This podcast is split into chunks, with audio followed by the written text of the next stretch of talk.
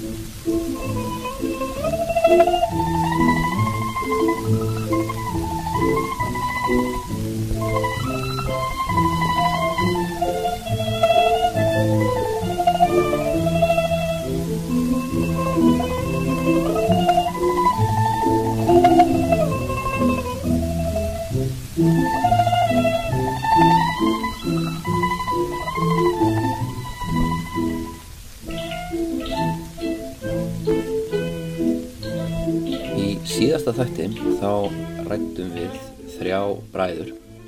Keisarana Heisei, Saga og Junna og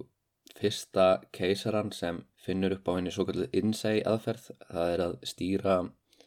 landinu úr klaustri meðan annar keisar er á valdastólnum fyrir fyrirvarandi keisari áfram með völdin. Í dag ætlum við að skoða aðra leið sem Japan var stýrt á heian tímabilinum sem er í gegnum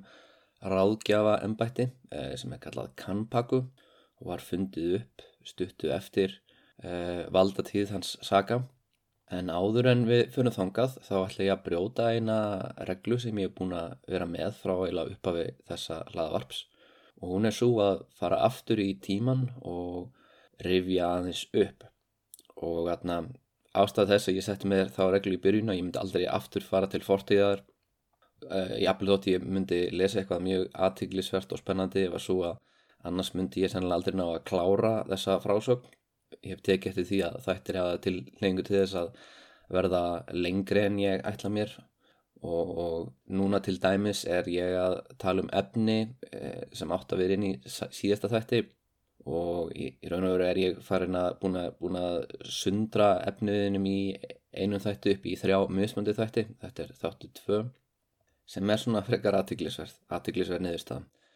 en mér fannst nöðsynlegt að áður en lengra verið haldið að við revjum aðeins upp Fujiwara ættina og, og kynnumst þeim aðeins nánar og reynum átt okkur aðeins á því uh, hvers vegna þetta fólk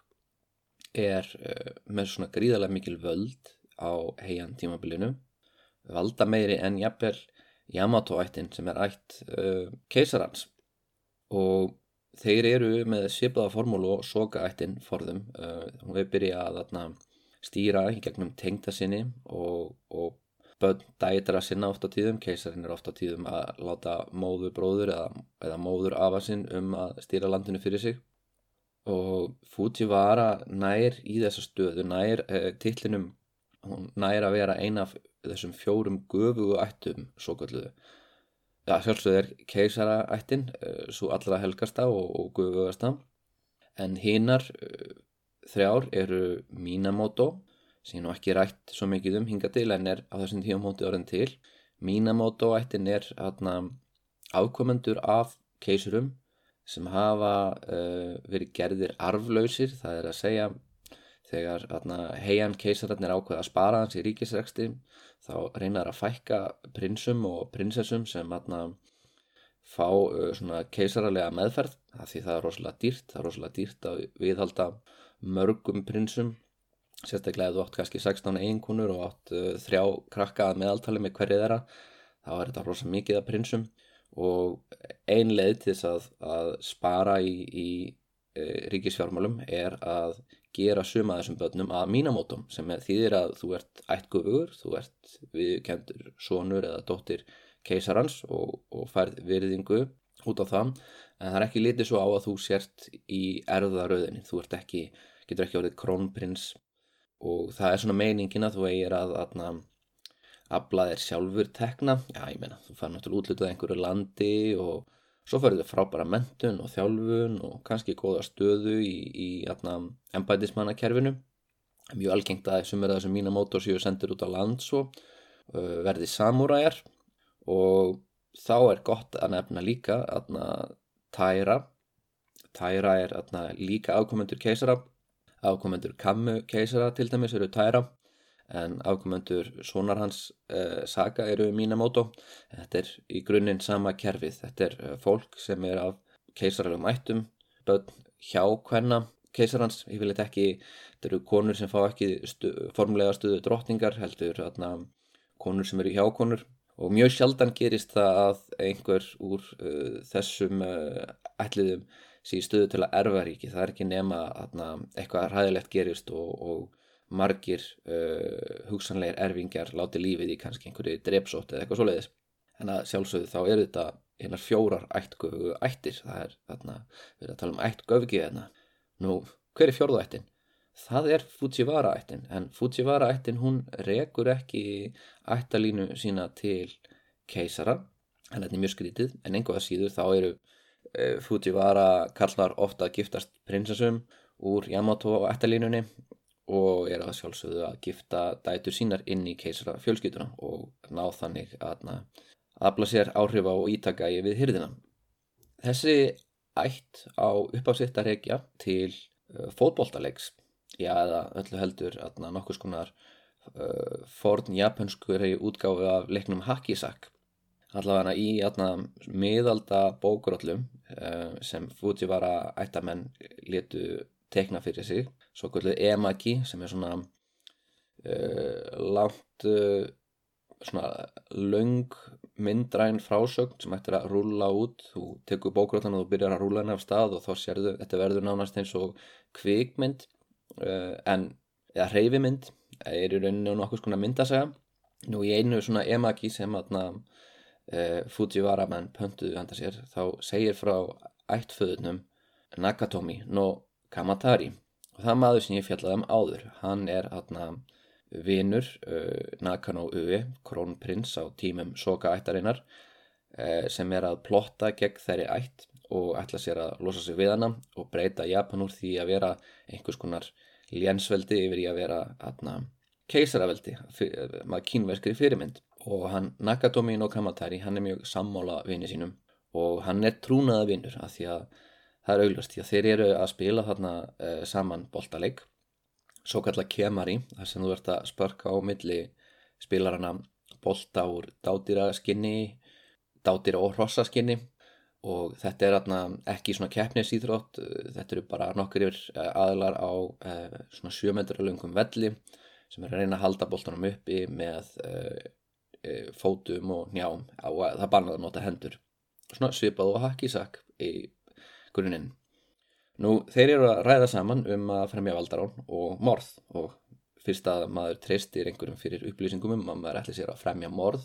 inn í keisarahöllinni og brjóta þar ótal tabu og og atna, gera valdamesta fólk landsins að óvinniðinum má gera ráð fyrir því að eh, krónprinsinn treysti þessum vinni sínum Nakatomin og Kamatari hansi vel og hver er þessi Kamatari? Nú eh, já, eins og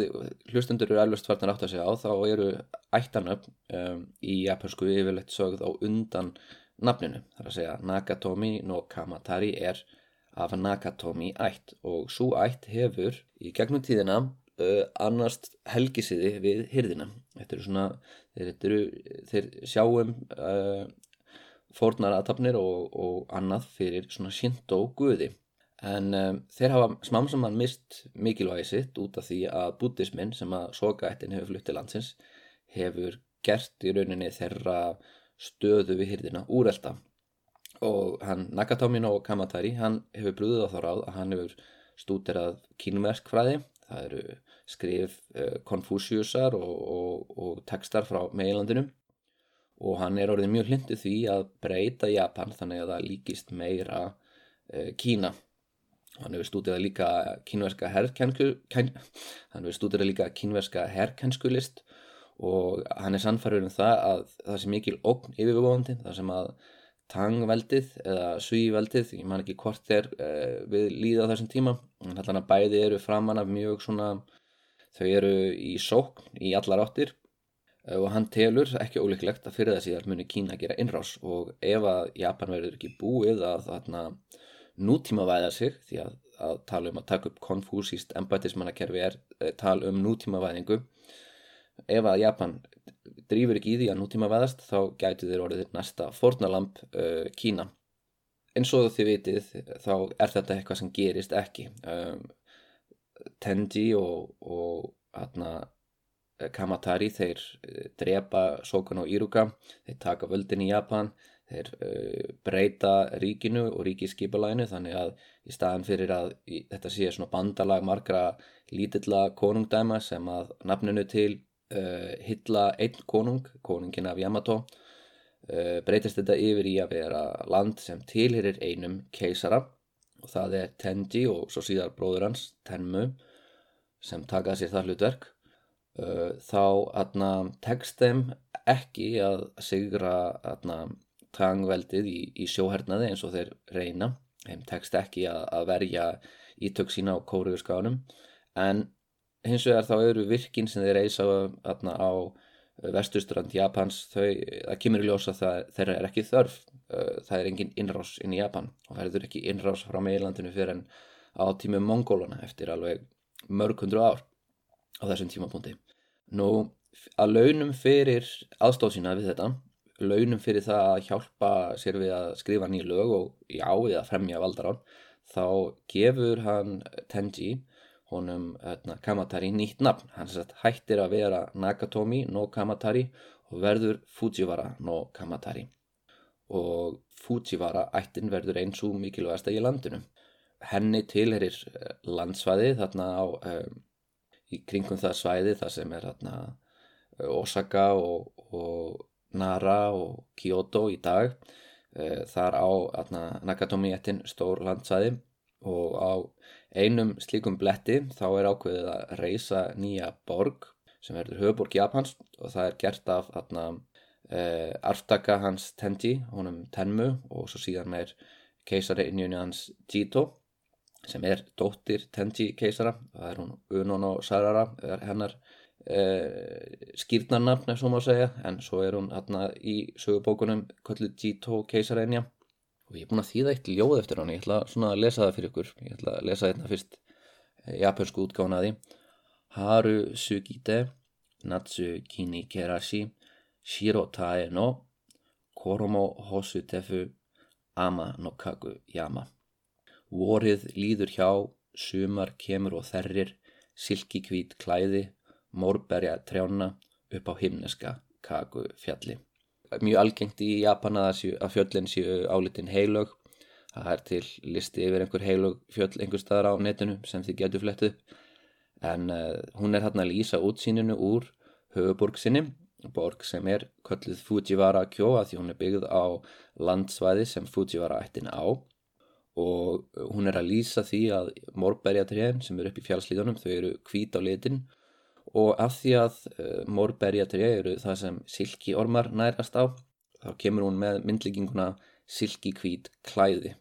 Og ég var ekki alveg áttum að þessu fyrstu af því að ég atna, hugsaði með mér fjalli hvít á litin sennilega því það er snjór í þeim en svo fattaði ég ekki hvernig snjór getur verið atna, á sumarlíðunum hvað þá að sólinn þerri þau. En, en þetta meikar sens ef að maður ímynda sér að það sé kannski svona síðsumar skúr þannig að trén séu blöyt, hvít trén svo kemur sólinn fram og það er steikjandi hitti og hún þerrir silki hvít klæðin fjálsins og hún Jito, keisarenja, hún atna teku við völdum eftir að eiginmæðurinnar tenmu deyr og hún eh, ætlar sér að, að tryggja að ættalína þeirra haldi áfram og að atna, sonur þeirra eh, Kusakabe tekki við Nú, er, hérna, ætla ég að koma inn á smá í keisaralegri politík. Uh, keisararnir eru yfirleitt að reyna að tryggja að þessu óháðir öðrum með því að eignast börn innan fjölskyldunar. Þú, þú, mjög algengt að þeir giftist hálfsvistusunni eða einhverju frængu, uh, bróðudóttur eða eitthvað svo leiðis og að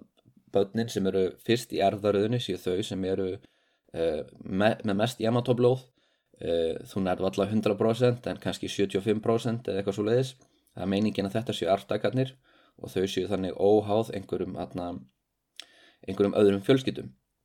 en það er gallið við þetta kerfi og ekki bara sá galli að, að þú getur erft allskins uh, sjúkdóma og, og þannig vandamál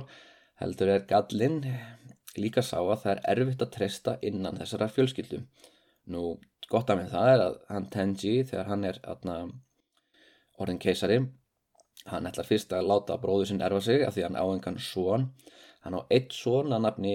Shiki sem ég held að hafi fengið heila himnubólgu í æsku eða eitthvað svoleiðis, hann er allan að virðist ekki hafa andlega getu til þess að erfa föðu sinn.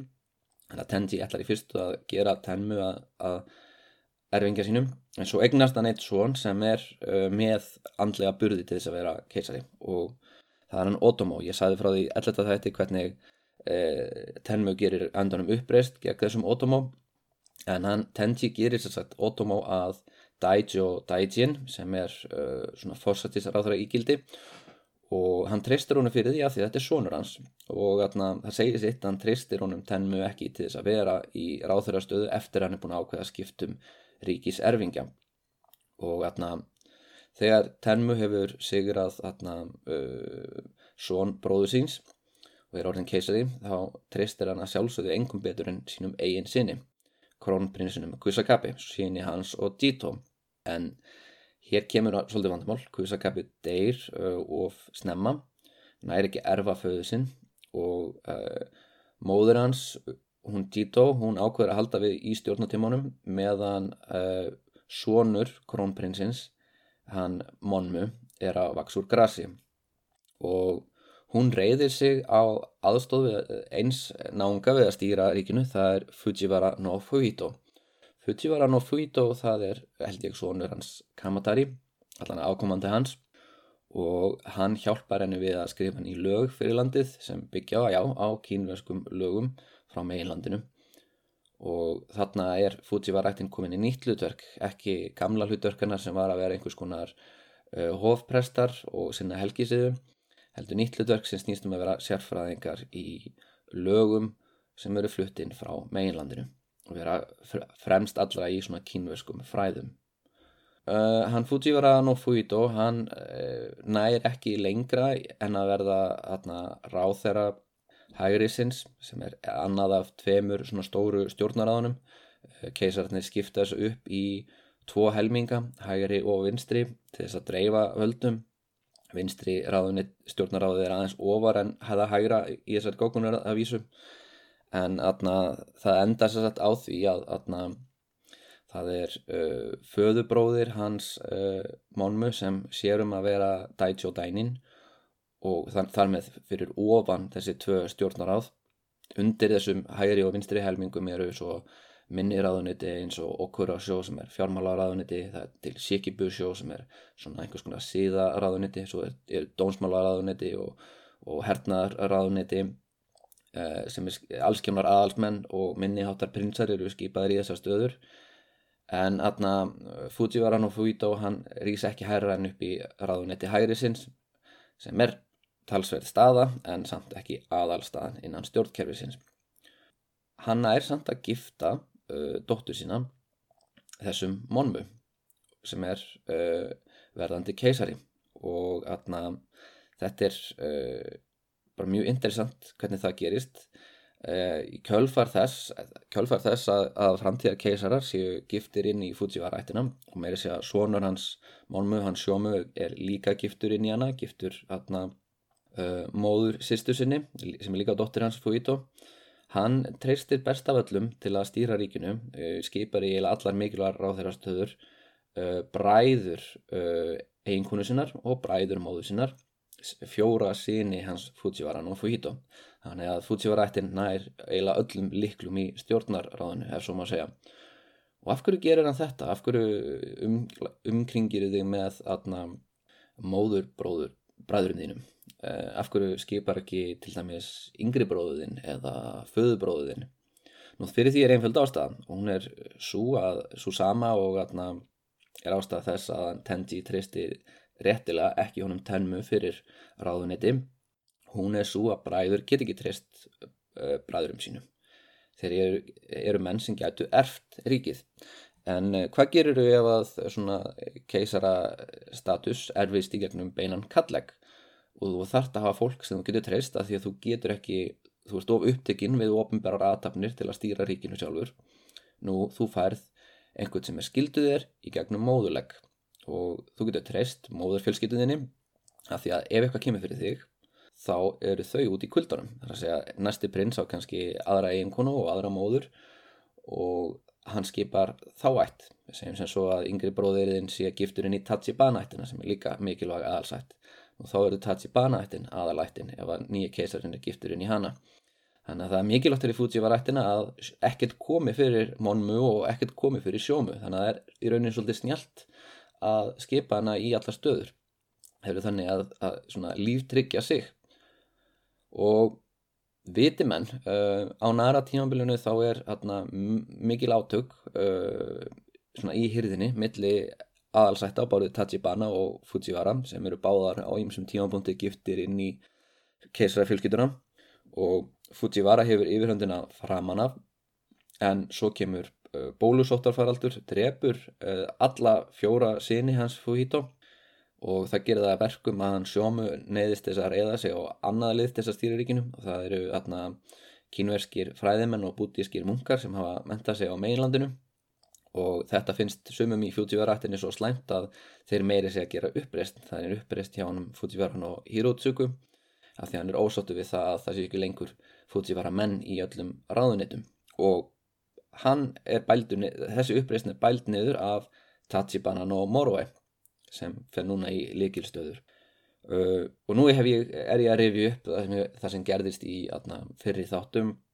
næsta eftir sjómi teku við dóttur hans. Já það er hún Kogen keisarinja sem teku við og móður hennar er kona Fujiwara ætt og hún reyði sig framann á, á, á uh, Fujiwara menn. Og nú er það Tachibana ættin sem gerir uppreist gegn henni. Svo uppreist er bælt niður af uh, Fujiwara no Nakamaro sem er uh, frendi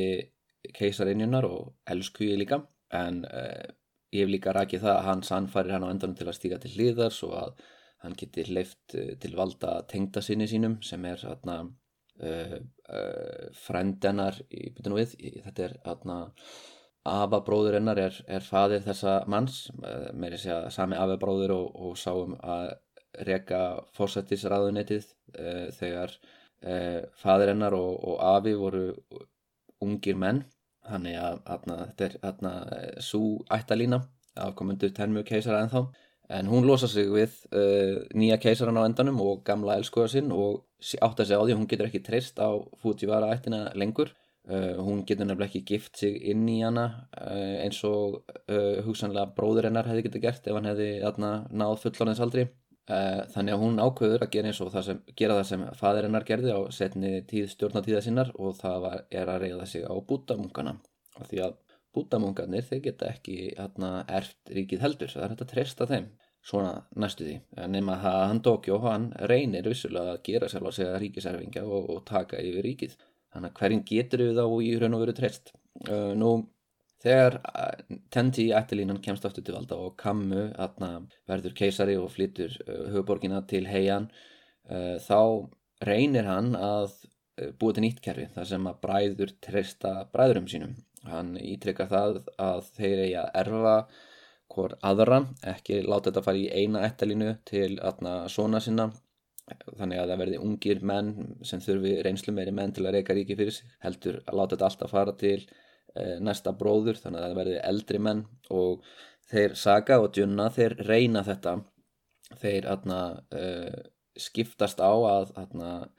e, Saga gerir yngri halvbróður sinn að keisara meðan hann fer í klöstur og byrjar að reyka ríkið uh, og Djunna ætlaði són hans saka þannig að sá sónur uh, getur orðið keisari næst meðan Djunna fer yfir í klöstur og byrjar að reyka ríkið þannig að þetta að ganga á viksl en það á endanum gerir það ekki. Og það er út af því að sónur hans saka, hann Ninmjó er giftur inn í Fujiwara ættina og hann ákveður að næsti erfingi eigi að vera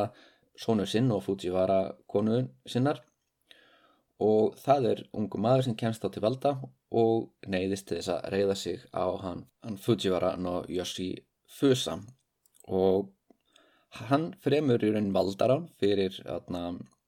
fyrir uh, nýja krónprinsinn og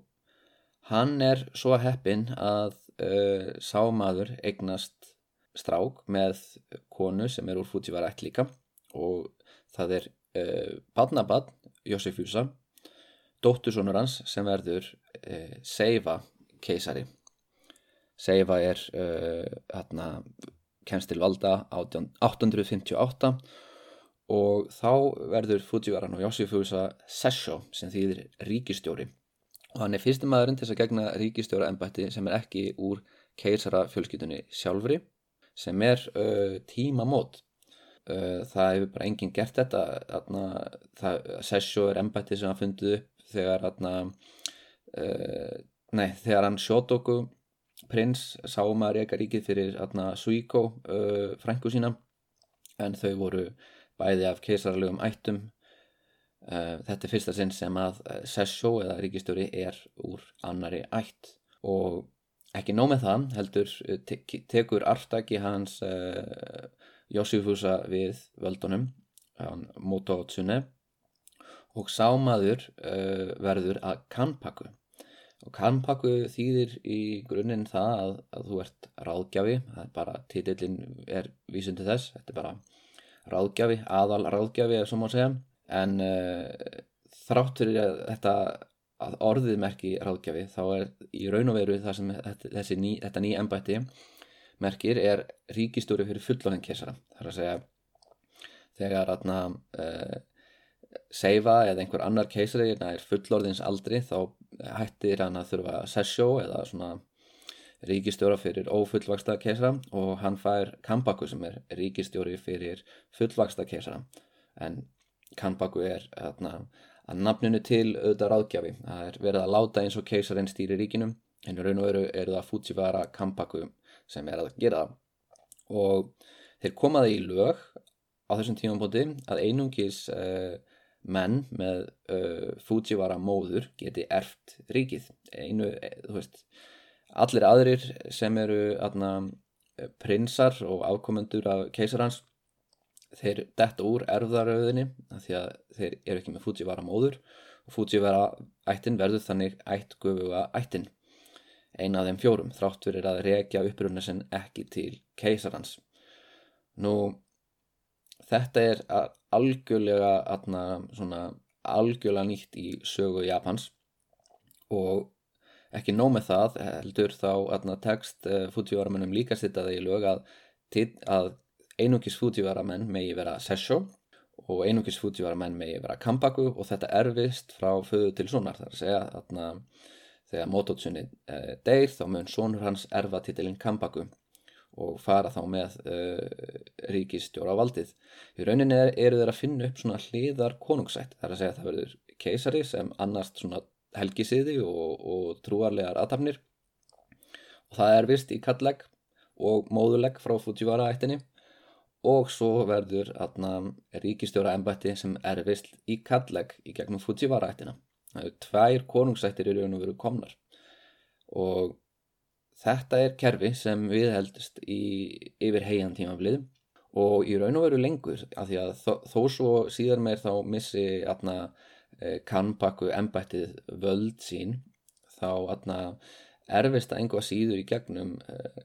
kalleg og Fujiwara kallmenn titla sig kampakku alveg lengi, lengi, lengi vel jafnveg þó að þeir hafi ekki völdin sem fylgja ennbættinu lengur. Og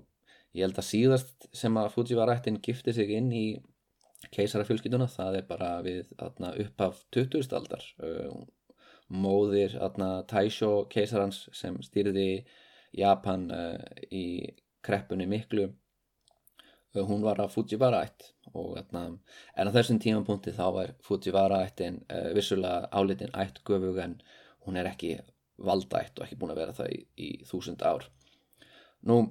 hvað getur við lært að þessu? Já við lærum svo sem ekki margt sem nýtist okkur í daglugu lífi þegar við stútur um svona fórt sögum en það er ágætt að átta sig á því að það er ekki nóg að horfa bara á uh, ættalínu keisara og, og hérna, listanir við þá til að segja á hver stýri ríkinu. Við þurfum ofta tíðum að, að líta á aðrar ættarlínur og, og önnur ennbætti og þetta getur orðið mjög rugglingslegt í japanskri sögu því að þarna uh, sérstaklega á heian tímambilinu þá er pólitíkin mjög óskýr á köplum og ekki auðvelt átt að segja á því nákvæmlega hver það er sem stýri ríkinu. En yfirleitt er það einhver sem heitir Fujiwara no og svo kemur eitthvað Fujiwara Mototsune, Fujiwara Yoshifusa uh, Fujiwara no Michinaka einhver svoleiðis náðungi sem raunverulega stýrir ríkinu. En í næsta þætti þá ætla ég að fjalla um keisar sem gerir uppreist gegn þessu kerfi uh, og mistekst en um leið uh, verður til þess að nýr Guð verður til. Guð sem er ennþann dag í dag tilbyðin en var á sínum tíma uh, mentamaður uh, fræðimaður sem tapaði í pólitískri baróttu síns tíma. Takk fyrir hlustununa